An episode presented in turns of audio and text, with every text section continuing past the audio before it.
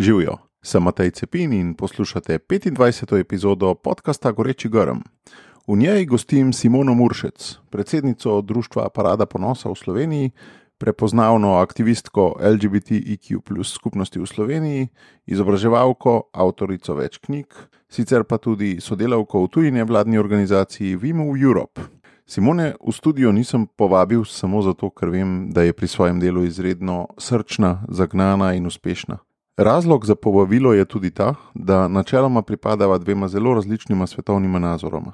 Ta epizoda je namreč nastala v okviru letošnjega socialnega tedna, ki nosi naslov Onkraj našega sveta, govori pa o družbenih delitvah, težkih temah, medsebojnem zavračanju in o dialogu. Moj cilj je namreč bil, da s Simono demonstrirava pristen dialog, tak, ki stopa v stik z identiteto in stališči drugega oziroma drugačnega, ampak tega drugega, drugačnega ne želi spremeniti. Takole smo med drugim zapisali v poslanici iz letošnjega socialnega tedna. Živi in dinamični ljudje so pripravljeni prisluhniti drugim in jim iskreno posvetiti pozornost. Zavedajo se, da jih sogovorniki kljub drugačnim stališčem lahko obogatijo z novimi spoznanji. Morda bo po epizodi prišel kak komentar, da Simoni nisem povedal tega ali onega, kar bi ji moral, ali pa vsaj, da sem bil preveč mehak. Povejte, kakšen pa je vaš pristop k pristnemu dialogu? Pišite mi na Matej Afna socialna-akademija.js ali pa v Facebook skupino Goreči Grm. Zdaj pa gremo kar v akcijo. Že veš, kaj je tvoj edinstven prispevek k boljšemu svetu in kako ga udejaniti?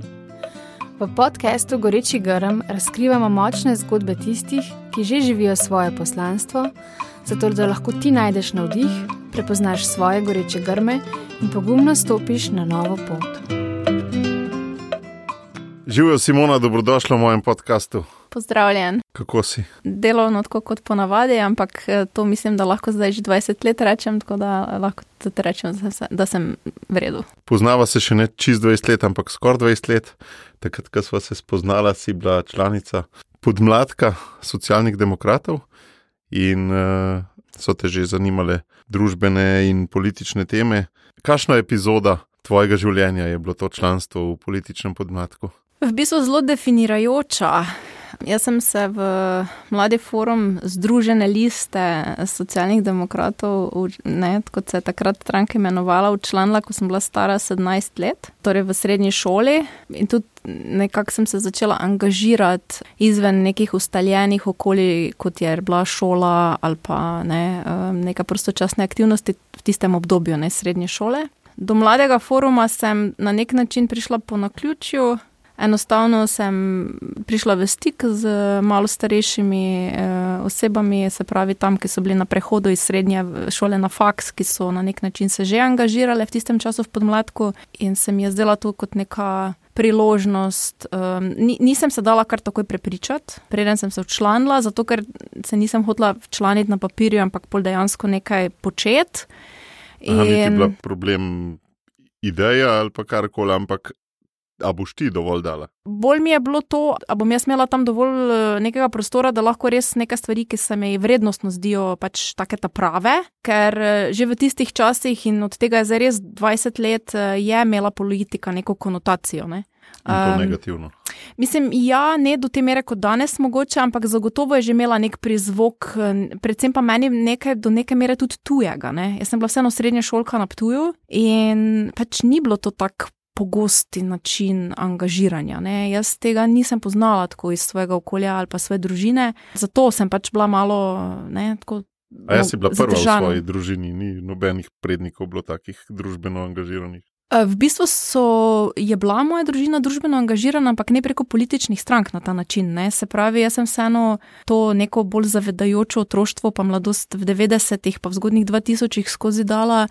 In moja družina je bila pač podeželska družina, mi smo res z vasi, so bili ne, in, in mama, in njen brat, in sestra v mladosti, recimo tudi v mladini. Ampak eh, bili so tudi v vem, lokalnem gledališkem ne, klubu, pa eh, tako v teh nekih lokalnih kontekstih so bili angažirani, ampak v tistem času, ko sem potem že jaz odraščala, več ne, ne. Takrat teh stvari več ni bilo, bili so neki spomini na to, uh, mogoče tudi neke, včasih kakšne roman, romantizirane zgodbe, ampak nišče pa več ni tega živel takrat. Ne. Tako da sem v bistvu šele jaz, pol kasneje, v bistvu z nekim zamikom, spet se začela angažirati. In z te perspektive ne, se nisem takoj eh, dala čist kar tako na prvo žogco prepričati, ampak pol z, ne vem, skozi neko obdobje sem pol vseeno se včlanil na deforum in v bistvu začela tudi nekaj svoje prve aktivnosti organizirati tam v lokalnem klubu. Tako da prva, prva stvar, ki sem jo organizirala, je bila tako samostojno, ne, da je res bil moj projekt. Uh, mislim, da ravno takrat, nekje pri okrog 17. in sicer je bila čistilna akcija za dan zemlje. Smo pucali šturmovec, kar so v bistvu tam neki tako mrtvi rokavi reke Drave, po zajezitvi, ko je jaz tam, ne, Ptujsko jezero umetno. In v bistvu eno tako ful posebno okolje, habitat za redke vrste ptic, tudi neke učne poti imajo osnovne šole not, ampak v bistvu odlagališče divjih odpadkov, ne, istočasno in to je mene ful prizdelo in sem bila ful kot srednja šolka napaljena na take, tudi ne, kar se tiče okoljskih tem, že iz osnovne šole ven in tako in potem se mi je to zdelo, da to pa zdaj moramo nekaj narediti, ne. In, in kje kompetence si dobila po tem mladem forumu, kaj si se naučila, kaj ti je dal? Eh, v mladem forumu sem ostala vsega skupaj devet let. Uh, ja, ja, kar dev, devet let vse skupaj. Ja. Bila sem od tega, da sem na eni točki vodila uh, no, dve leti lokalni klub kot predsednica, do tega, da sem potem delala kot uh, sem bila tudi na nacionalni ravni, sem bila uh, mednarodna sekretarka, pa potem tudi nekaj časa predsednica sveta podmladka, v bistvu že v obdobju, ko je leta 2008 tudi so socialni demokrati zmagali na volitvah in so v bistvu smo imeli premijeja v, ne, v državni ravni, v nekih momentih, ko so bili politično tudi zelo relevantni. Tako da, če gledamo celo to obdobje, je v bistvu ta politični podmladek in to okolje meni meni dalo ogromno. Ne? Bila sem v teh formativnih letih, moje vrednote so se zasidrale do konca, pač tudi nek pogled na aktivizem. Aktivizem na ideologije. Ja, v bistvu tako, kako se jaz definiram, v bistvu še danes eh, je bilo to ključno v tistem obdobju. Ne? A to bi lahko rekla, da je bilo dejansko mladi forum najbolj, poleg družine, pa to med najbolj stvarmi, ki te je definirala tvojo identiteto? Ja, ja, v tistem obdobju zagotovo. Mislim, jaz sem imela neko podstat. Ne? Ta podstat je izhajala v bistvu iz precej drugačnega okolja. Jaz sem imela neke vrednote, se pravi, jaz z mladi forum sem prišla zato, ker so se moje vrednote, ki sem jih do neke mere že imela izoblikovane, potem ujemale v osnovi. Malo sem prišla tudi zaradi ljudi, ki so me nagovorili. Potem pa sem v bistvu dobila eno ful pomembno priložnost v mladem forumu in to je to, da sem mene vedno vlekla tujina. In vedno so me vlekli mednarodni konteksti. In mladi forum je meni to omogočilo. In v tem mednarodnem kontekstu sem pa v bistvu jaz eh, dobila neko svojo to prvo politično družino na nek način. Ne? Zato, ker pri nas v Sloveniji vendarle to okolje ni bilo tako, kako bi rekla, teoretično zelo močno, ali pa ni bilo tako na področju izobraževanja, recimo, in teh stvari. Šele ko sem šla mm. v mednarodne kontekste, In sem tam spoznala neke organizacije, sestrske organizacije in ljudi, ki so bili tam aktivni iz tujine, kako to druge delajo z nekimi drugimi pristopi. Recimo, spoznala sem se z neformalnim izobraževanjem. Ne. Bilo vse skupaj ne tri levele višine.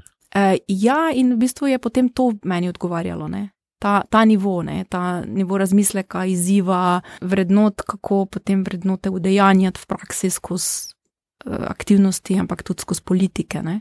Ej, glih to sem te mislil vprašati, kar si prej načela. A so te bolj ljudje pritegnili ali bolj vrednote? In če so te vrednote, kaj te pa že predtem tako formirali, da si že imela te vrednote z listane prse?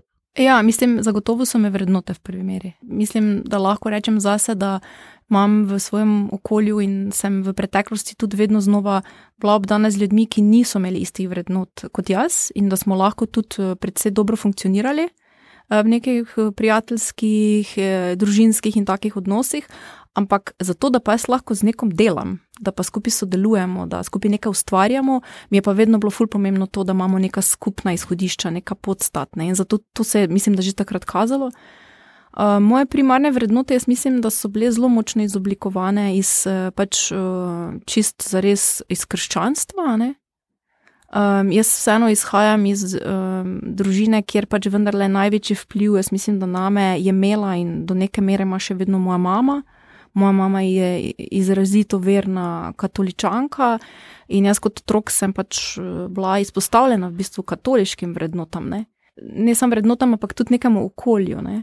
Pač tista stvar, ki je bila zelo specifična, je pa vendarle, da kljub nekemu kmečkemu okolju, je pa bila to neka struja tudi znotraj interpretacije eh, katoliških vrednot, ki je bila pa v bistvu zelo liberalna, um, progresivna, zelo do, dopuščajoča. Ne? Jaz sem imela to srečo, da je v bistvu že moja mama bila v svojem okolju deležna tega malo bolj nekega filozofskega pristopa ne, in pogleda, in je že lahko imela neke svoje interpretacije oziroma razumevanje ži, živeti svojo religijo. Ne.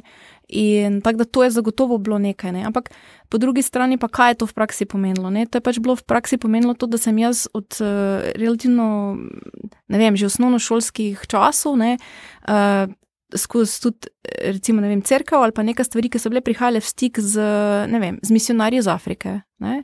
ali pa recimo z, ne vem, z nekimi koncepti pravičnosti, ne? se pravi z, nekimi, um, z nekim čutom za sočloveka. Ne? Moja mama, recimo, na eni točki velik ljudem, um, ne vem, pomagala umirati. Ne? In, je, in smo, recimo, že jaz, kot v osnovni šoli, sem eno parkrat bila z njo, ko je bila v bolnici pri človeku, ki je bil na smrtni posli in ona je v bistvu pač um, bila s tem človekom v teh zadnjih dneh, recimo urah, ne, in je mene kot osnovno šolko, recimo pri ljudeh, ki sem jih jaz poznala, ne, recimo, ki so bili do neke mere, mogoče ni blizu, me sabo vzela. Ne. Kakšno vzgojo ti je dajala s tem? Pač jaz mislim, da je moja mama, predvsem, kljub vsem zadevam, s katerimi se mogoče jaz ne bi strinjala, ali pa ki bi jaz mogoče jih drugače, tisto stvar, ki je ona meni znala dati, je predvsem mi dala znati neko perspektivo do življenja. Ne tako zelo, pač ni bilo tabujev, ne? te stvari, ki so včasih, v, se mi zdi, v, pri ljudeh uh, ful tabuizirane, ne vem, kot je smrt, rojstvo, uh, spolnost, neke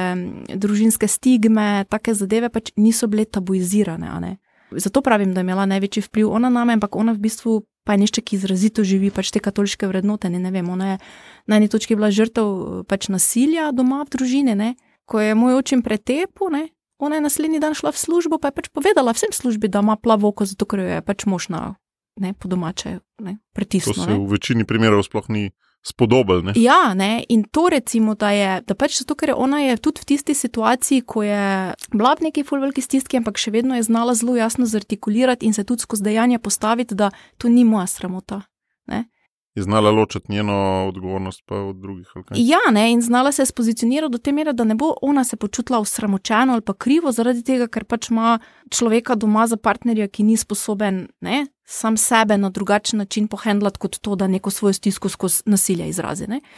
In jaz, eh, kljub temu, da sem mogoče pač doživela neke take situacije, eh, v bistvu ta njen način, ne, kako se s tem spopadala, je v bistvu dal meni um, ful ne, enih um, razmislekov, nekih usmeritev, ne, in zato pač lahko vedno rečem, da zagotovo skozi celo življenje je, uh, kakorkoli je tudi oseba, s katero sem se verjetno v nekih momentih največ prekregala, ne, je pa vedno tista oseba, ki tudi pri takih stvarih uh, ima uh, pač to moje primarno spoštovanje. Mhm.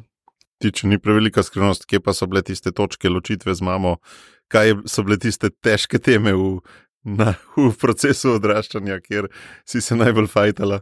Ja, zagotovo crkva. Cerkev je bila tista ločnica, uh, moja mama je zelo, se pravi, prakticirajoča katoličanka, kar pomeni, da ona gre k maši vsak dan, neko obredje in tako spoštuje. In recimo, ko sem jaz bila v osnovni šoli, je ona mene uh, dejansko skozi prisilo ne, poskušala dobiti do tega, da jaz hodim ob nedeljah k maši, da hodim k veruku in tako dalje. In na eni točki sem se začela temu zelo aktivno upirati. Mm.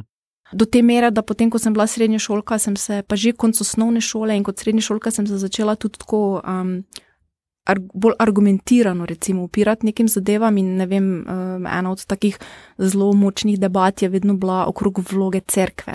Mm. Eh, nisva se mogoče tako uh, zahaklale okrog uh, vem, vere kot take, mm. ampak dejansko te politične vloge cerkve, institucije tam, mm. recimo, smo vedno bili zelo na drugih bregovih, ker ona je vedno to institucijo branila kot institucijo, ki sicer, tako kot vse druge neke uh, tvorbe, ni popolna. Ampak ne v svojem jedru je pač to institucija, kateri ona pripada in za katero stoji. Mm medtem ko pač jaz nisem mogla pod to se podpisati, ne nikoli. In pač to je bila ena od teh stvari. Druga, recimo, taka tema. V bistvu je res edina vrednostna, tako zelo globoka tema, pri kateri se pa jaz mislim, da mi dve ne strinjava, je pa v bistvu um, pravica, ne pravica, ampak dejansko pogled na splavne. Uh mhm. -huh. Ker medtem, ko se moja mama tudi vedno je rekla, ženska mora imeti pravico se odločiti o svojem telesu, ne, ne, ne kontriram pravici do splava, ampak jaz nikoli v življenju ne bi splava naredila in za me je to absolutno ne. Pač ona eh, tudi ne prist, ni pristala na vem, te medicinske preglede, da v nosečnosti pregledajo plot in ne, ali je mogoče um, plot lahko ima kakšno deformacijo ali pa kaj ne. In ona je rekla, ne, ker meni je to vseeno, sej ne, tudi če ima pač jaz bom tega otroka rodila. Mm. Na, na to foro je pač ona zelo um, izrazito um, pač stoji tam pri svojih vrednotah in jaz kot predvsem mogoče kot najstnica ali pa še kot mlajša, ko sem bila, je bila to neka tema. Ki sem se še jaz fajtala ne, okrog mm. tega, ne, da pač kako in kaj, in ne, dan danes se o teh temah več ne kregava, ne, že dolgo ne. Uh, vemo, kje, vsak stoji, je, kje kdo je in lahko zelo uh, normalno in nekako se okrog, ja, okrog tega tudi funkcionira. Kje si pa municijo za argumentiranje dobila? To si mogla že v osnovni šoli biti tako kar dobra debaterka, pa argumente vleči iz nekje. Kako je to nastalo? Od zelo malega sem, so mi vedno doma rekli, da imam dar govora. Uh, mislim, to se na lep način povedal. Ja, ja, tako da mislim, da uh, pri letu pa pol še nisem noč kaj hodila, pri devetih mesecih pa že uh, znala kakšne prve besede povedati, ker tako da verjetno tudi to malo pove, da so bile neke predispozicije na tem področju. Verjetno. Malo je verjetno pomagalo to, da sem v svojem res zelo ranem otroštvu, tam prvih pet, sedem let, odraščala bolj ali manj izključno obkoljena z samimi odraslimi. Nisem odraščala z družbo otrok pa se potem, uh, bom rekla, na drugačen način naučiš um, handlat ne? to, kako se pogovarjaš z odraslimi. Jaz, recimo, ko sem prišla v osnovno šolo, nisem imela na isti način barijere pred uh, pristopiti k učiteljici ali pa učitelju, ne? izraziti neko, prositi za nekaj, reči nekaj. Ne? uh, take stvari, ki sem videla, da moje sošolke, sošolci jih je bilo strah ali pa niso imeli korajže ali pa tako. Meni pa to v bistvu ni bil problem, ker sem bila od doma navajena v bistvu več čas z odraslimi komunicirati. Ne? Kljub temu, da po eni strani sem bila otrok, po drugi strani pa nisem bila tretirana kot klasičen otrok. Ne? Vključevali so me v nek nivo, pred mano niso skrivali nekih pogovorov, um, zraven sem bila pri velikih stvarih, tako da sem imela neko razumevanje okrog tega drugačno. Ne? Pa pač to, da je nekako govor argumentacija skozi ne jezik in tako bila. Jaz nikoli nisem na isti način niti razvijala, niti se počutila poklicana, da bi pisala. Ne? Eni ljudje pišajo in so ful dobri v tem pisnem izražanju. Ne? Kako so pa tvoje igre, pa knjige, pa vse to, kar si delala v otroštvu, pa zgodni puberteti to podpirale? Ne samo kot otrok, ampak celo življenje sem imela to, da, recimo, da sem se sama s sabo imela dialoge na glas in v tujem jeziku. Že v, v osnovi v angleščini, v nemščini, po mojem tam pri, od petega leta dalje, recimo se spomnim, sem sama s sabo se pogovarjala na glas. Ne? A jezike si kar rasturala iz nule, ali kaj? Ja. Ja, je, recimo, zelo dober posluh sem imela kot otrok za jezike, sama sem se jih kar precej naučila zgolj skozi recimo, televizijo. Ne. Take stvari so mi bile blizu in recimo, ne vem, tudi ko sem se učila, ne, sem se učila RF na glas. Ja, ja, mi smo ne, na Štajerskem imeli 30 programov na televiziji in od tega jih je bilo zagotovo več kot 20 nemških. Ne? Mm. Oziroma nemško govoreči, ne avstrijski, pa nemški. Mm. In pač to je pustilo. Ja, ti si že otrok kabelske, ne vidiš, ti si še vse en pol generacije nazaj. Ja, ja, ja, ja, ja. ja, smo imeli to kabelsko, pa smo imeli te uh, pol, ko sem bila v osnovni šoli. Tako, ja. Kako bi se pa, če greva v sedanjost, kako bi zdaj opisala svoj profil? Kot bi se mogoče rada definirala kot aktivistko, Mislim, da je veliko bolj fair, če, resem, če rečem, da sem menedžerka.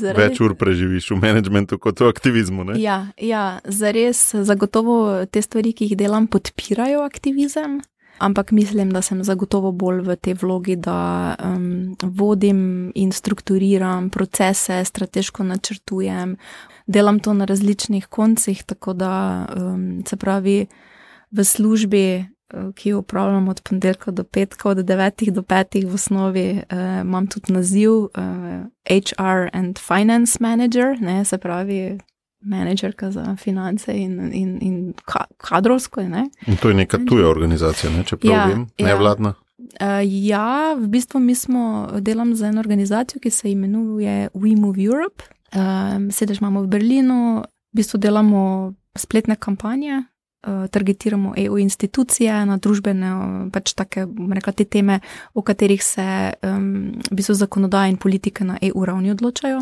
Večinoma so to teme z področja vem, trajnostnega razvoja, davkov, um, nekaj tudi človekovih pravic, ampak večinoma smo bolj pri okoljevarstvenih zares temah ne? in teh, teh zadevah, ki so povezane s tem, ne vem, patenti na semena. O, čiščenje uh, mrtvih rokavov, drave pa to.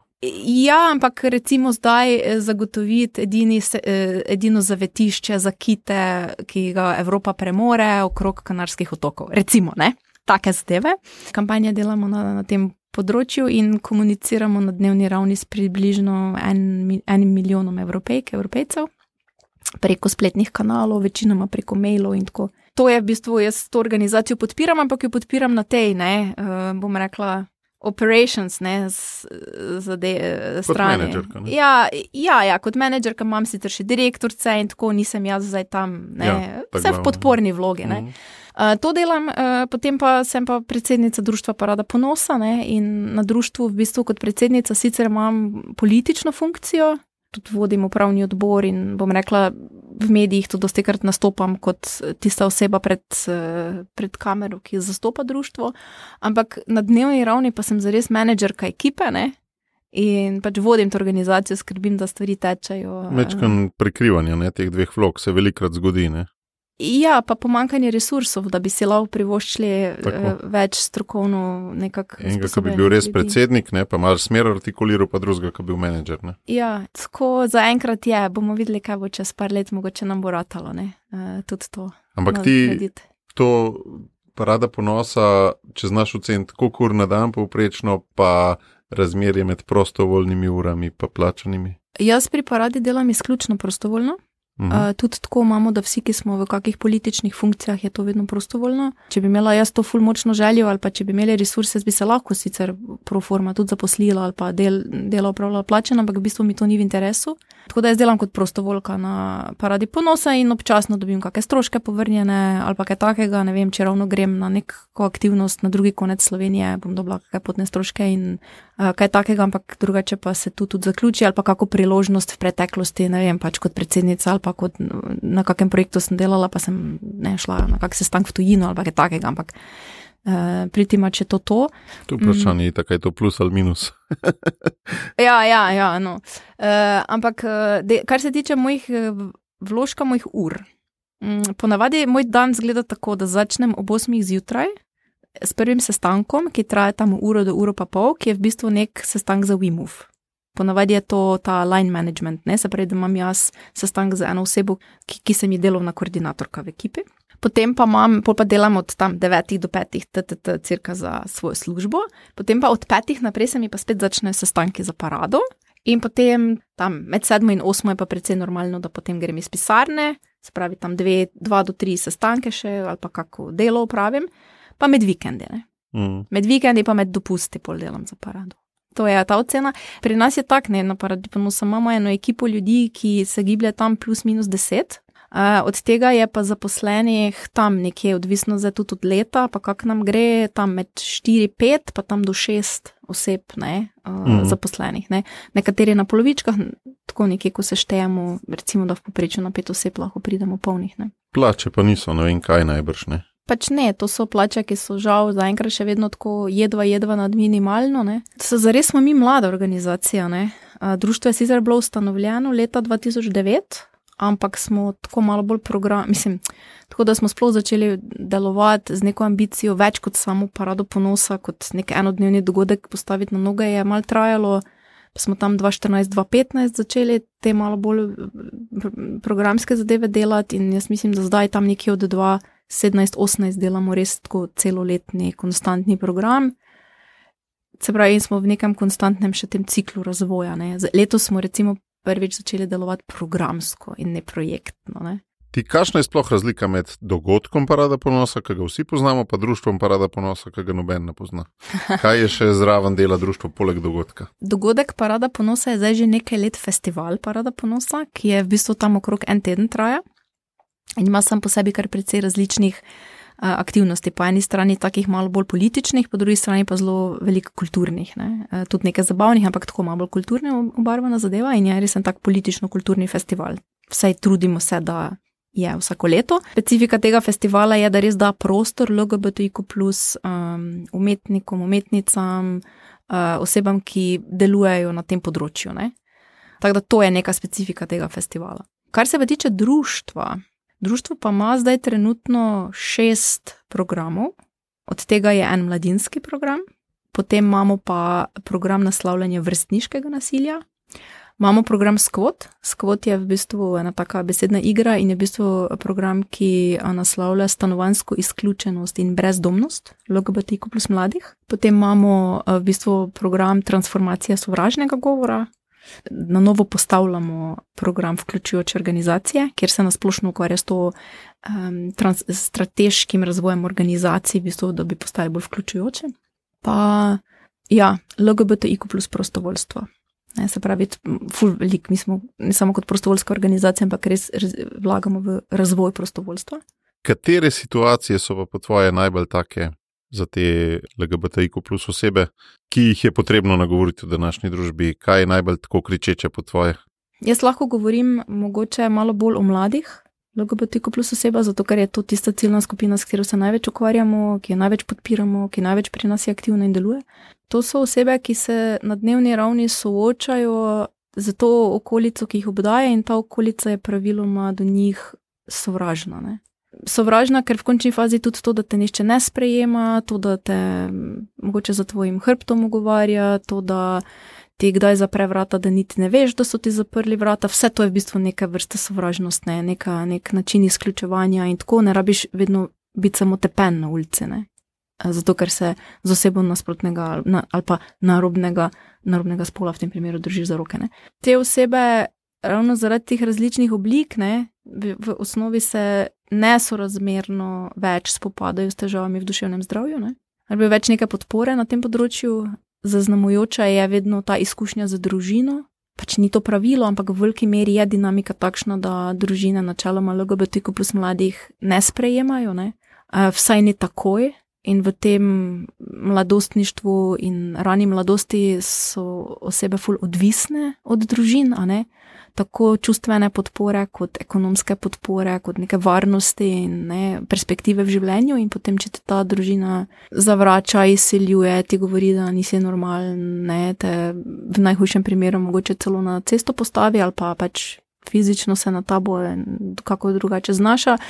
Seveda to posti velike travme, ne, velike posledice um, in to so recimo to, ne, to je primarna zadeva v bistvu, da poskušamo potem mi na nek način omogočiti tem osebam, da dobijo neko podporo, da malo predelajo te zadeve, da se lahko vključujejo, da dobijo neko varno okolje, da tudi dobijo mogoče včasih tudi neko drugo družino z vidika pač neke skupnosti. Ne? Potem pa v bistvu iz tega dalje, ne? včasih bolj pomagamo pri takih zelo življenjskih zadevah, kot so neke kompetence za vstop na trg dela, tako da zelo odvisno potem. Ne? Za kere od teh tem si se pa ti še posebej pripravljena tudi javno izpostaviti, pa kajšno stvar plačati na nek način, v smislu mogoče medijskega linča, v smislu, ne vem, se ti dogaja kdaj kaj tasga, najbrž se ti, ne, pa kere so tiste teme, za katere je to vredno. V osnovi je tak, jaz se zdaj v zadnjih letih vse čas izpostavljam na splošno, ne, za teme, ki so povezane z enakopravnostjo, pa enako vrednostjo LGBTQ plus populacije. Uh mhm. -huh. In uh, znotraj tega izpostavljam vedno znova teme, ki so torej specifično za mlade. Ne.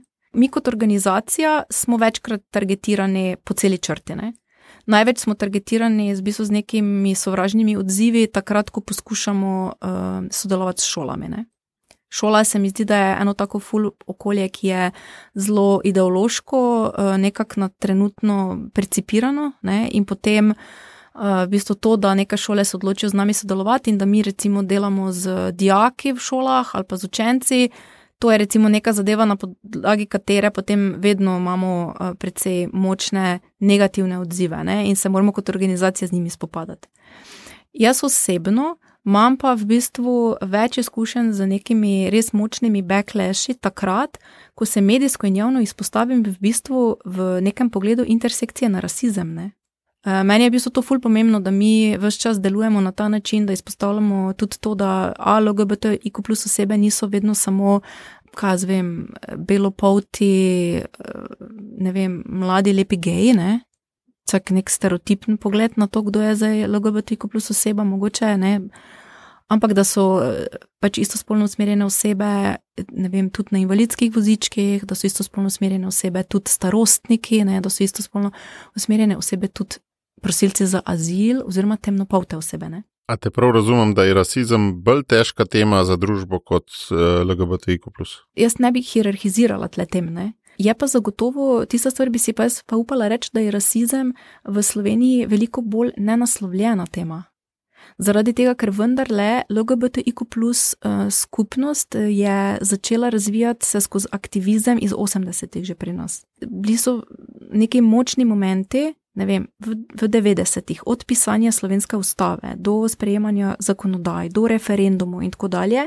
In predvsem LGBTIQ plus osebe vse čas in vedno bolj uh, dobivamo na, tem, na tej prepoznavnosti, da smo tukaj, Se pravi, je tudi naša prisotnost, naše življenja postajajo pač nekaj, kar se ne da izbrisati, ne da se ignorirati. To ni problem nekih drugih. Ne. Za temnopolte osebe, ki živijo v Sloveniji, ne, oziroma osebe, ki doživljajo rasizem, je ta dialog ali pa ta nevidnost ali pa ta potreba po naslavljanju veliko bolj marginalizirana. Ne.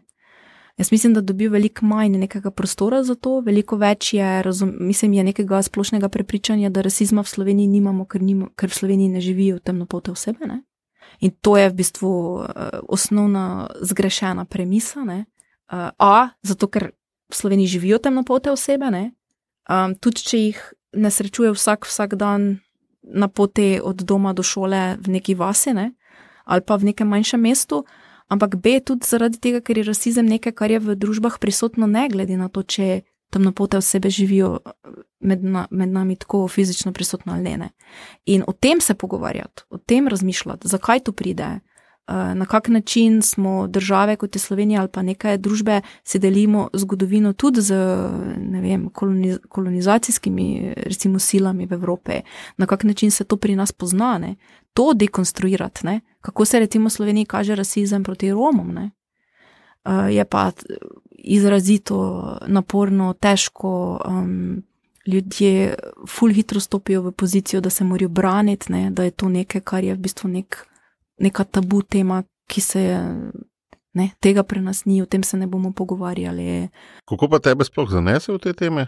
A to te v bistvu prav prek teh LGBT oseb, eh, rasi, eh, drugih ras, ali tudi naslavljaš rasizem kot sam? Iz zelo ranega otroštva eh, je povezano to, da sem, ne vem niti sama čisto za res, zakaj, ampak ful sem se že kot otrok, še preden sem bila, v bistvu imela nek koncept uh, Afrike kot kontinenta, sem v bistvu se ful počutila na nek način nagovorjena strani tega kontinenta. Ne?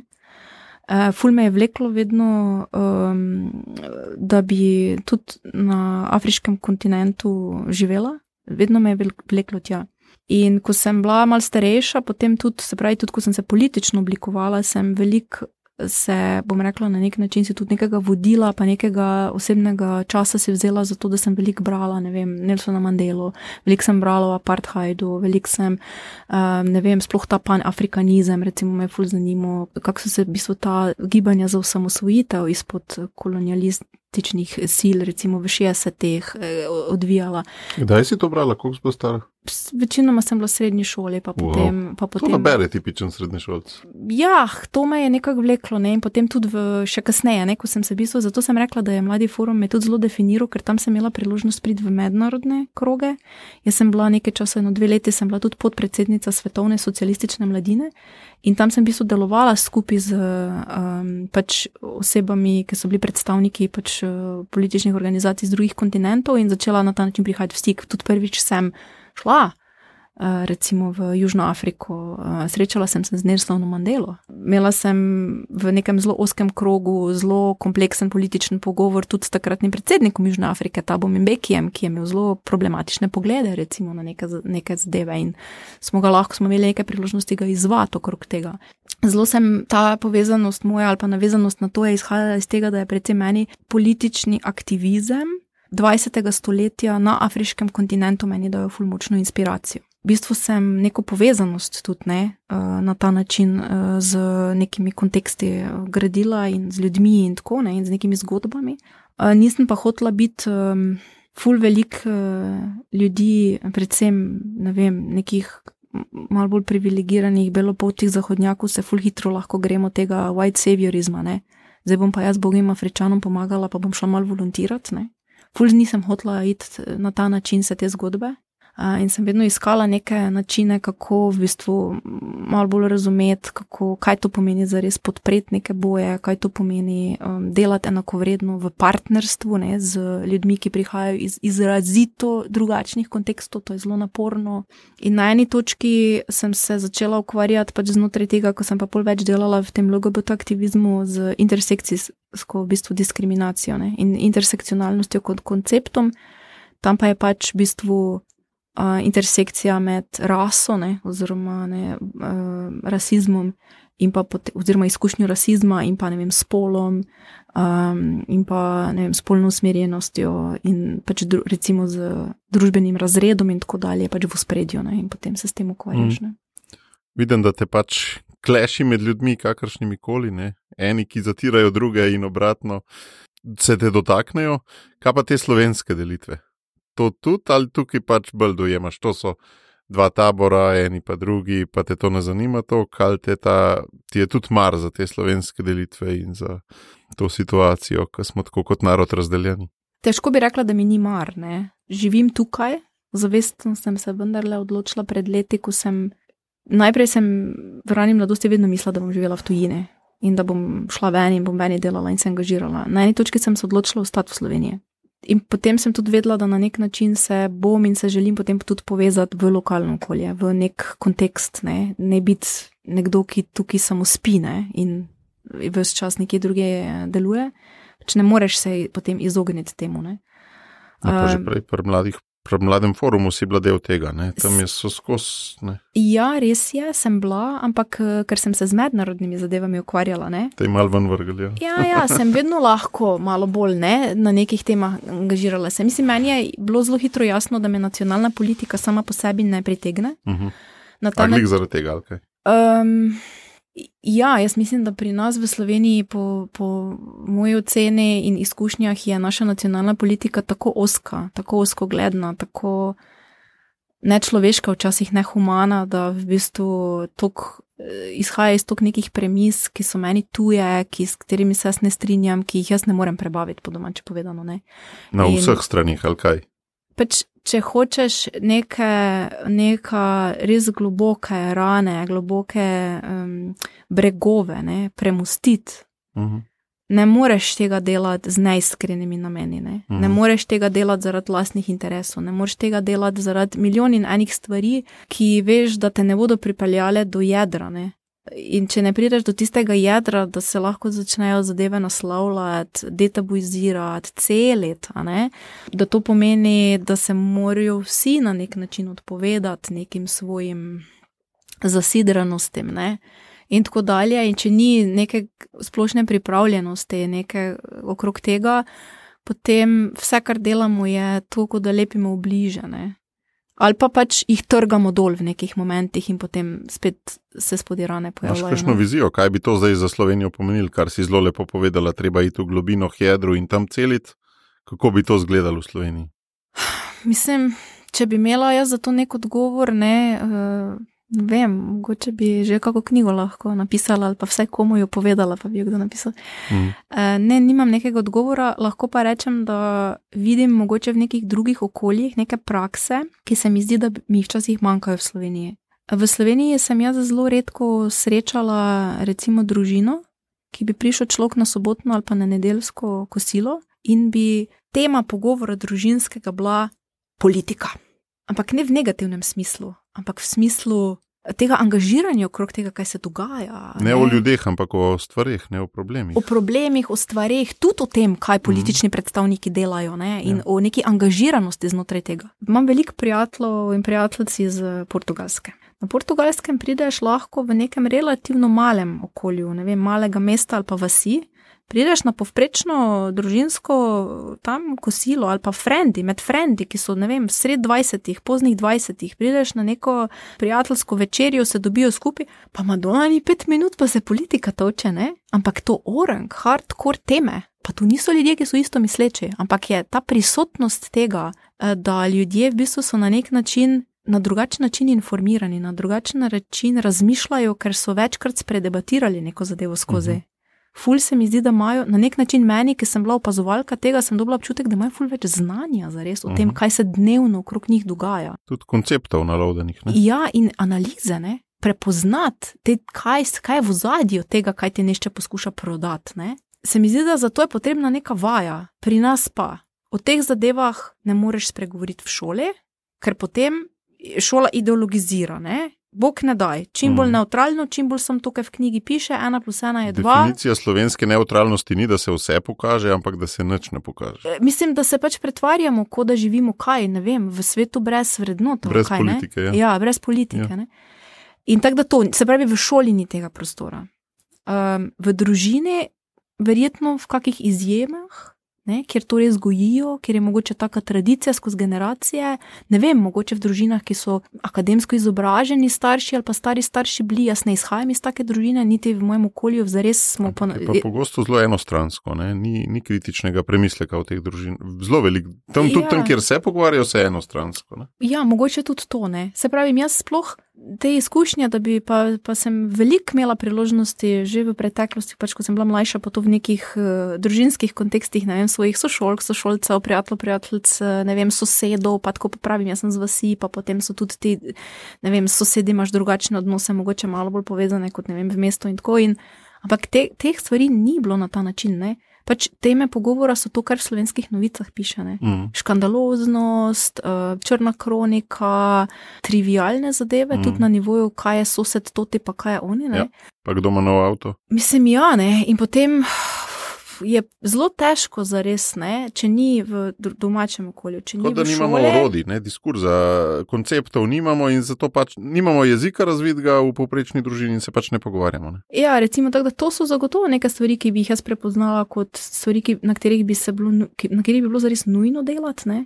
Ampak, se veš, to so spremembe, pf, kaj pa jaz vem. Generacij. Ja, generacij, pa tudi mora biti, spet nekje se mora začeti kje bo zdaj tisti prostor, ki se bo začel odpirati, zato da se to dogaja, ker jaz sem malo zgubila upanje, da se bo to samo od sebe mm. zgodilo. Ne? Ja. Na nek način mora biti nek.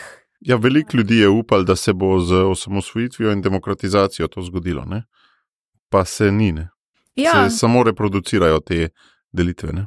Jaz bi rekla, da danes se ljudje, ne, ker jaz verjamem, da v prejšnjem režimu se je marsikdo enostavno si ni mogel privoščiti ne, nekih posebej bolj javnih razprav in tako dalje, ker so bile sankcije. Sankcije bil, so bile hujše. Ja, sa, sankcije so bile, ampak dan danes, ne, po eni strani ni teh sankcij, ampak ti mehanizmi so pa še vedno, ja. če ne celo huje zakoreninjeni. Ja. Mi dva imamo ene par skupnih strasti, ne, ena od najnih strasti je tudi pomen jezika pri družbenih spremembah, kako jezik vpliva na to, kaj razmišljamo in kako smo pa družbeno angažirani. Ne? Obema nama je zelo všeč uh, brazilski avtor Paulo Freire.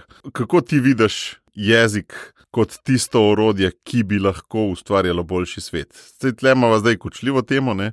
ker LGBTQ plus skupnosti v resnici. Naši, če se zdaj pošalam, ne, očitajo, da nasilno spreminja jezik, tudi tisti počrtaji ki si jih ti uvedla v kakšen priročnik, gre tudi meni malo na živce, to moram priznati. Kako vidiš jezik kot orodje za ustvarjanje boljšega sveta?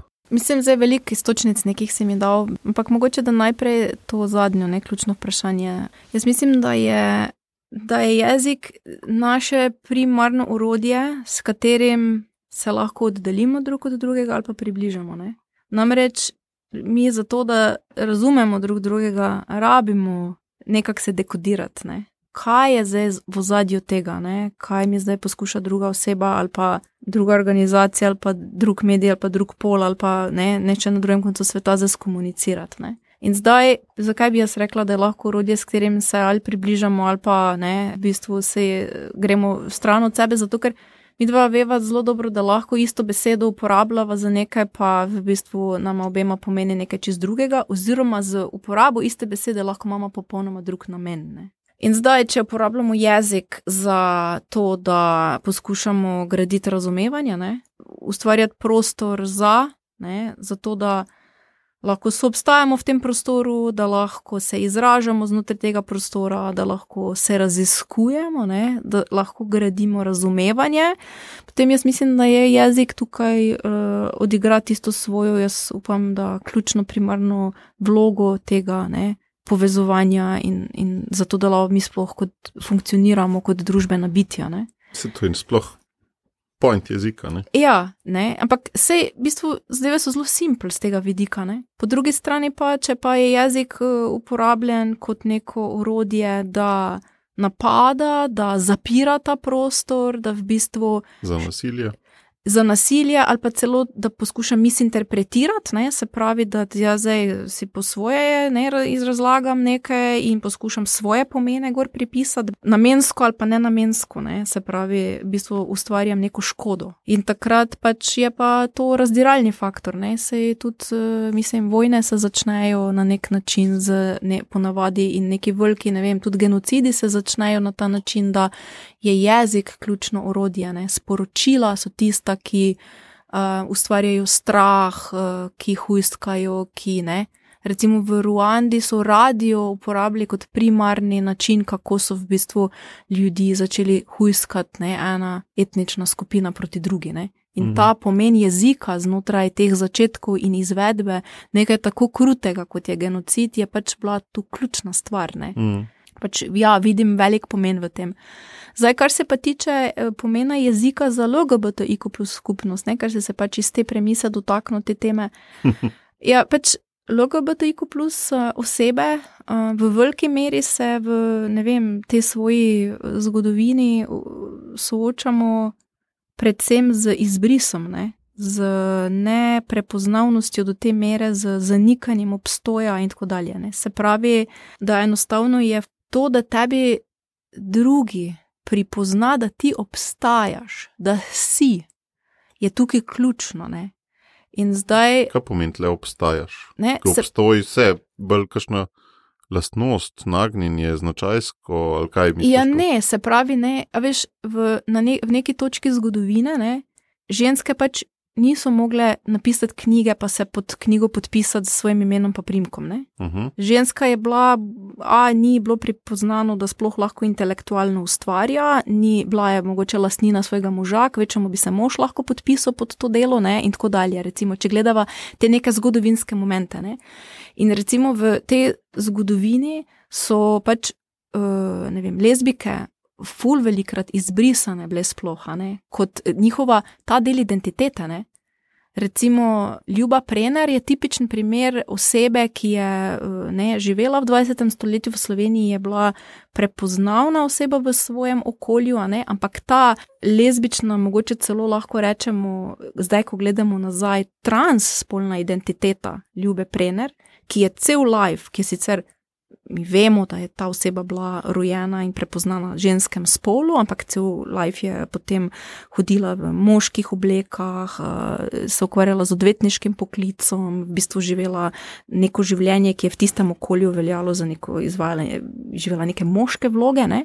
Ves čas ne, v tem načinu, kako je okolica brisala to njeno identiteto, ki je odstopala od norme. Ne?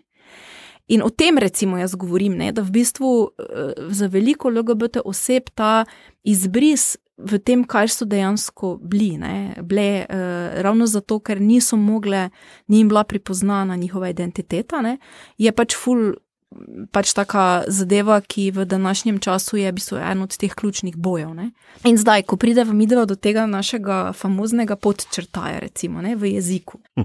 Zakaj ta podčrtaj? Ne? Slovenski jezik, nasploh uh, slovanski jeziki, ne smo zelo, zelo imamo jezike, ki so izrazito um, obteženi z spolom. Ne? Vse je na nek način, vse besede so ospoljene. Uh, vse odnosi, vse je na nek način z spolom zdefinirano. Ne?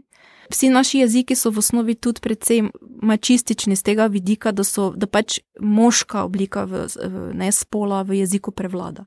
Kak sva mi dva, dva, sva vedno ne mi dva, ne mi dve. Mi dve sva lahko samo, če, naju, ne, če se družbeno prepoznava kot dve ženske. Ne. Spol in razmerja moči okrog spola se izražajo skozi jezik.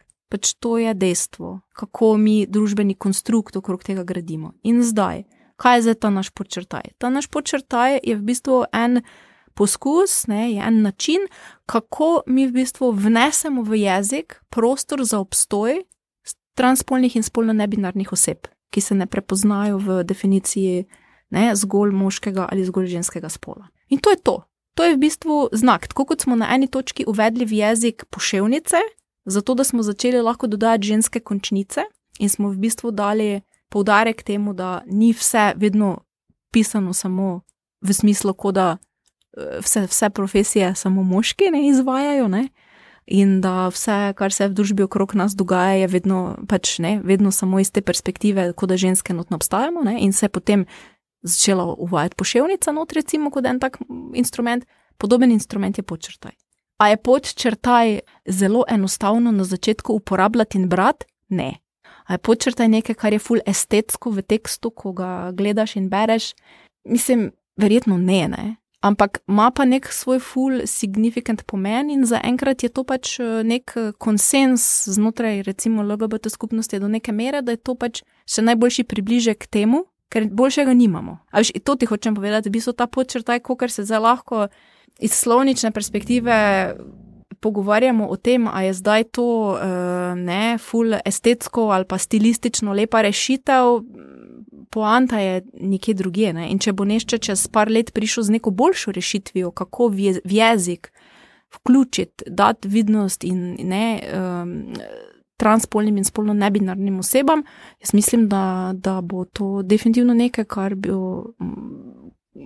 kar bo obstajal tudi prostor, da se um, pogleda in uvaja neke nove prakse. Ne? Sam, ej, koliko pustiti jeziku, da gre tako with the flow, ne? koliko pa ga vseeno proaktivno spremenjati. Naprimer, ker očitek LGBTIQ plus skupnosti je v bistvu to, da ga preveč proaktivno spremenja, ne, po moje. Recimo, mene moti izraz dan mrtvih, ki nima veze z. Dnevom mrtvih, ne zgodovinsko, ne kontekstualno, za katoličane ne, vsi svet je ful bolj smiselen praznik, ne, ker zakaj bi človek praznoval smrt. Uh, in podobno. Mnogo je še takih, uh, tudi jezikovnih, ki bi, tudi, bi tudi jaz šel se fajtat, ne, da bi bil jezik bolj smiselen, če bi povedal nekaj drugega. Ne. A veš, koliko biti zdaj agresiven pri tem spreminjanju jezika? Ne? Ja, mislim, jaz mislim, da verjetno ti pa jaz različno razumeva, kaj je zdaj agresivno pri spremenjanju jezika. Jaz mogoče ni, nimam takih pogledov, da je, če neke take res fundamentalne stvari spremenjamo, da je to nekaj ful agresivni poseg v jezik kot tak. Meni se recimo zdi ful pomembno to, da jezik odraža neko tudi trenutno stanje ne, na nek način. Glej, jaz ti lahko dam en drug primer. Ne. Ena od stvari, ki se meni zdi ful problematična v slovenskem jeziku, je uporaba besede, eh, besede invalid. Ne. -huh. To je tak, ne? in zdaj imaš ti lahko tle, in, in imeli smo leta 2019, ko se je zakon na tem področju uh, zadnjič, mislim, da nekaj revidiral, velike, velike debate strani različnih deležnikov, ki so sami znotraj društev in organizacij in tako dalje, ki, se, ki v bistvu zastopajo različne uh -huh. skupnosti in, in skupine oseb in tako dalje ne, ki eni imajo te statuse, drugi nimajo, in tako ja. dalje. Ne, in vedno znova pridemo nazaj do tega. Glej, lahko gledamo en tak izraz in pač historično gledano, kako je ta izraz skovan. Kaj pomeni, kako je nastal? Kakšne blagene za ne? Kaj, kaj pomeni, kako je v bistvu eh, derogativen za res do oseb, ki mm. z različnimi zmožnostmi. Uh, kako... Ne, nezmožnostmi po tem izrazu. Ne? Ja. Invalid pomeni nezmožen. Ne? Ja, no vse, jaz pač ne uporabljam za to osebe z različnimi zmožnostmi, ravno zato, da ne, na nek druga, drug, drugo perspektivo poskušamo skozi jezik tudi dati ljudem, o kom se pogovarjamo. A veš, in to je zato, ne? a je zdaj s tem, ko poskušamo nekateri ful delati na tem, da se ta termin ne uporablja da bi se ga na koncu tudi iz zakona lahko eh, ne, eh, zredefiniralo na drugačen način, da bi se mogoče odprl prostor, da bi lahko tudi neka širša skupnost oseb z različnimi zmožnostmi prišla do nekih dodatnih pravic, ki jih zdaj mm. nima, zato ker je vezano na ta termin in tako dalje. Pač meni se to zdi uh, a fight worth fighting, mm. pač boj, ki ga je potrebno imeti, zato ker se v bistvu gre na koncu za življenje ljudi. Pač, so boji, ki jih je vredno biti, pa so boji, ki nima smisla. Ne? Ja, ne? in če so boji taki, ki v bistvu res vplivajo na neke fundamentalne potrebe in obstoj ljudi, ne, v našem okolju, jaz mislim, da potem jim, jim je treba prisluhniti, mm. treba razumeti, zakaj je v bistvu nekomu to tako pomembno. Ne. Jaz mislim, da za LGBTIQ plus skupnost je ogromno enih stvari, za katere se borimo in kjer bi mogle stvari biti urejene. Eh, to, da je jezik v takem ospredju, mogoče je to eno polje, ki je medijsko bolj izpostavljeno ali pa kje se da bolj mogoče celo trivializirati ali pa banalizirati. Ne recimo LGBTQ plus skupnost, meni je samo po sebi, jaz, če bi ti mene zdaj vprašal, kje se mi zdijo najbolj pomembne stvari, pač jaz ne bi v jeziku zares mm. govorila, ne? Mm ampak bi v kakih drugih stvarih. Je pa zagotovo znotraj jezika to potem eno od teh polj, ki jaz mislim, ja, je, treba jih je nasloviti.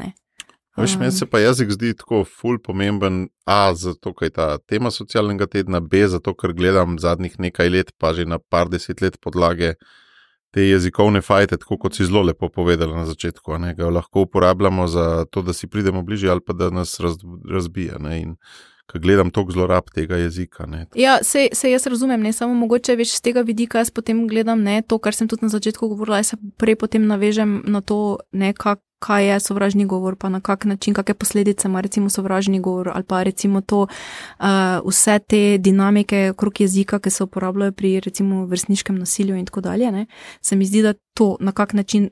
Te targetirane besede, ki bolijo, ki so zato, ki jih nešče uporabljati, zato ker želi poškodovati nekoga, in tako dalje. O tem bi zagotovo takoj začela razmišljati. Ne? Tako da se mi zdi, da je pač razlika na nek način med tem, kaj jaz vidim, kje so večji požari, Ne, mm. Neki požari, neke zadeve, ki res so, ko se pogovarjamo o ful pač konkretnih zadevah, kot je nasilje ne, in kot je pač, ne vem, ogroženost določenih uh, skupin v družbi. Ne, do tega, da recimo pač, ne vem, mehanizmi, kot je spolno vključujoča raba jezika, je v bistvu, jaz mislim, da tista stvar, ki gradi varen prostor v nekem kontekstu. Lahko. Mm. Bi pa jaz, če se veš, če me vprašaš, ne, jaz eh, bi zagotovo verjetno najprej šla gasiti požare. Ne. Za konc, ker smo že dosti dolgo se pogovarjali, bi pa vseeno eno to težko temo še odprl. Si jo že sama omenila v odnosu do svoje mame, ravno pri jeziku. Ne? Jaz vidim mnogo, z mojega vidika, mnogo zavajanja ravno v kontekstu splavov pa tega. Ne? Da se zarodku ne prizna, tudi v jeziku ne besede človek, pa se pa uporablja plot, pa fetus, pa ne vem kaj vse. Ne. Odkje naprej bi ti, ti misliš, da se lahko reče človek, pa zakaj ja, zakaj ne, pa kakšen vpliv ima to po tvoje na to. Očitno si to že orenk razdelala, da si se z mamo lahko zaključila vse debate. Mislim, da je tako, jaz se s tem ne ukvarjam strokovno. Uh mhm. -huh. To ni, pač ni eno od področji, vem, ki bi se jaz ful ukvarjala, tako da jaz ti lahko odgovorim na pač podlagi nekega osebnega mnenja. Ne. Jaz mislim, da če moja mama smatra za človeka skupek celic od spočetja naprej. Pač jaz mislim, da je jaz nikoli v življenju ne bom prepričala, da to ni človek, ne? da to ni življenje. Uh, in tudi ni moj namen. Ne? Jaz mislim, da tista stvar, ki je relevantna, je, da ko pravo, ko država, ko pravo, ko sistem prepozna ta isti skupek celic za življenje, za človeka, takrat postavi omejitev. Ne? Ok, od tle naprej ne smemo uh, brez uh, nekih dodatnih, ne vem, posledic, razmislekov, pravil in tako dalje posegati. Ne? In pri nas je to 12 tednov. Ne? pač in obstajajo neki taki in drugačni uh, medicinski in drugi razlogi, verjetno, zakaj je ta meja postavljena. Ne. In tebi se zdi to uh, po osebnem mnenju? Mislim, smiselna meja. Jaz ti ful težko zares na to odgovorim. Mm. Jaz, um, jaz zagotovo nisem človek, ki bi lahko rekla, da je uh, pri petem mesecu nosečnosti, pri petem mesecu nosečnosti, da to ni otrok, ne? zato ker A veš, ne vem, se mi zdi, da eh, je neka stopnja razvoja, ki, ne vem, ker se mi zdi, da potem tudi se, vsi vemo, da na neki točki nedonošenčki eh, se rodijo in so potem tudi na neki točki sposobni preživeti in tako dalje. Ne. Ja, bi pa tudi sama nekje bila in, bi se, in se počutim comfortable, ne se pravi, se počutim ok s tem, da tam do enega tretjega meseca, da pač se mi to zdi, da je na neki stopni razvoja ta zarodek, plod, karkoli, tudi če mi dva zdaj se pogovarjamo o tem, da je to človek, ampak na neki stopni razvoja, ko jaz mislim, da ni prisotne neke zavesti, ni prisotnih nekih funkcij življenjskih do te mere, da jaz recimo ne bi smatrala in ne smatram vem, splava eh, recimo do pač tega nekega obdobja, da je to za umor, ne? daleč od tega. Ne? Uh, in jaz sem tudi nešče, ki smatra, da pač ima ženska pravico se odločiti o svojem telesu in če je v neki zdravstveni ogroženosti, se tudi lahko stroka skupaj za to osebo odloči tudi um, prekiniti nosečnost kasneje. Ne? Ker pač na koncu koncev, če bo nešče umrne, če pride prihaja do nekih velikih komplikacij in tako dalje, jaz pač mislim, da so to neke situacije, kjer jaz tudi sama zase bi hotla imeti vsaj odločitev. Ne? ne bi hotela, da mi neka država, nek sistem, neki ljudje v tisti stiski um, predpišajo, ne? ampak bi hotela imeti to, ne? Uh, odločitev, da se sam odločim. Ne? Pa, pa ne glede, kako bi se odločila. Samo veš, glih ta tudi o svojem telesu, ne, naprej, od kje naprej pa ni več tvoje telo, je pa od nekoga drugega, je glih dilema. Ne. Ja, razumem ta pogled. Jaz mislim, da moje telo bo vedno moje telo, ne, a veš do te mere, pač, da tukaj ima pač ženska vendarle pravico o svojem telesu odločati. Jaz nikoli v lifeu ne bi podpirala, ne vem, splava kot sredstva kontracepcije niti približno, ali pa nekih neodgovornih praks, ki so tudi lahko na osebni ravni. Ne. Se mi pa vendarle zdi, da jaz ne verjamem v to, da nišče naredi splav um, v osnovi, če se pogovarjamo o uh, situacijah, ne vem, ko pride do komplikacij, pa se odločiš za to situacijo. Jaz ne verjamem, da to ljudje naredijo zlahka. Jaz ne verjamem, da si ljudje tega želijo. Uh, jaz mislim, da so to ful težke situacije in v tistem trenutku pač meni, eh, jaz sem glede tega pozicionirana, da ta, ta oseba, ki je v tej situaciji, mora, mora to odločitev sprejeti, ker bo cel life s to odločitvijo živela, ne? karkoli že bo. Ne? Škoda, jaz verjamem, tako kot si ti za LGBTIQ plus mlade rekla, ki ni dobijo podpore, ne? Da tle, tle nam sfali. Mi tej osebi ne damo podpore, mi to osebo ponavadi napotimo na medicince, ki jo obravnavajo zelo sistematično ne, in je ne vidijo kot celo osebo. Ne. Tle, tle je. Ne, mislim... Mogoče, če bi imeli ful boljše sisteme podpore tem osebam, ki se odločajo da bi bilo desetkrat manj takih debat. Ne, ne, ne se jaz, kar se tega tiče, mislim, da se mi dva strinjava. Ne. Jaz mislim, da tudi, če bi, gledaj, imate tudi na koncu, ne, recimo, ne vem, jaz se znam predstavljati, da, ne, ne, tako kot sem prej rekla, ne, dobi ne, nekdo eh, informacijo, da ima ta nerojeni otrok ali ta plot ali zarodek ali kakorkoli že v neki, recimo, kasnejši fazi eh, ne, nosečnosti da se bo rodil z nekimi full hudimi, ne, recimo, težavami v duševnem razvoju, fizičnem razvoju in tako dalje. Ne. A jaz mislim, da v Sloveniji nimamo, kot po, po mojem poznavanju, recimo, eh, takega sistema oskrbe. Ker bi ti kot eh, oseba vedela, ali pa vedel na koncu, da eh, ko se bo tvoj otrok rodil, z vsemi operacijami, ki bo jih mogel prestati, z vso doživljenjsko oskrbo, ki bo jo mogel imeti, z vsemi osebnimi asistenti in tako dalje, da bo eh, sistem prevzel to breme. Recimo, A veš, in potem zdaj ne. Eh, Kolebaš. Mislim, kolebaš, pač moraš se zamisliti, uh, ja, po eni strani mogoče sebično v svojem lifeu in ali boš to zmogel, ne? in pa tudi na koncu do neke mere vendarle v interesu tega otroka, ne? ki bo vendarle tudi mogel nekako funkcionirati. In zdaj jaz si predstavljam, da če nimaš absolutno nobenih ekonomskih ali pa tudi mogoče kakih drugih podpornih mehanizmov tle, pa pismo ne more biti to enako vredno odločitev kot nešče, ki ima full dobro ekonomsko pozicijo. Ne? Pa si lahko reče, ja, lahko si v svoj bajti privoščim, da si bomo dvigalo zgradili in ja, lahko si privoščim posebne avto in ne vem kaj vse. Ne? Da je verjetno v tistem momentu tudi ta odločitev popolnoma neferne neenako mhm. vredna.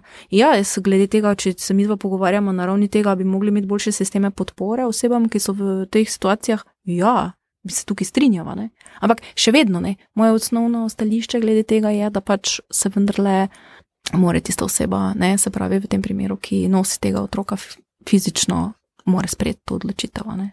To se pa tudi strinjava. Ja. Ej, kaj ni rečem?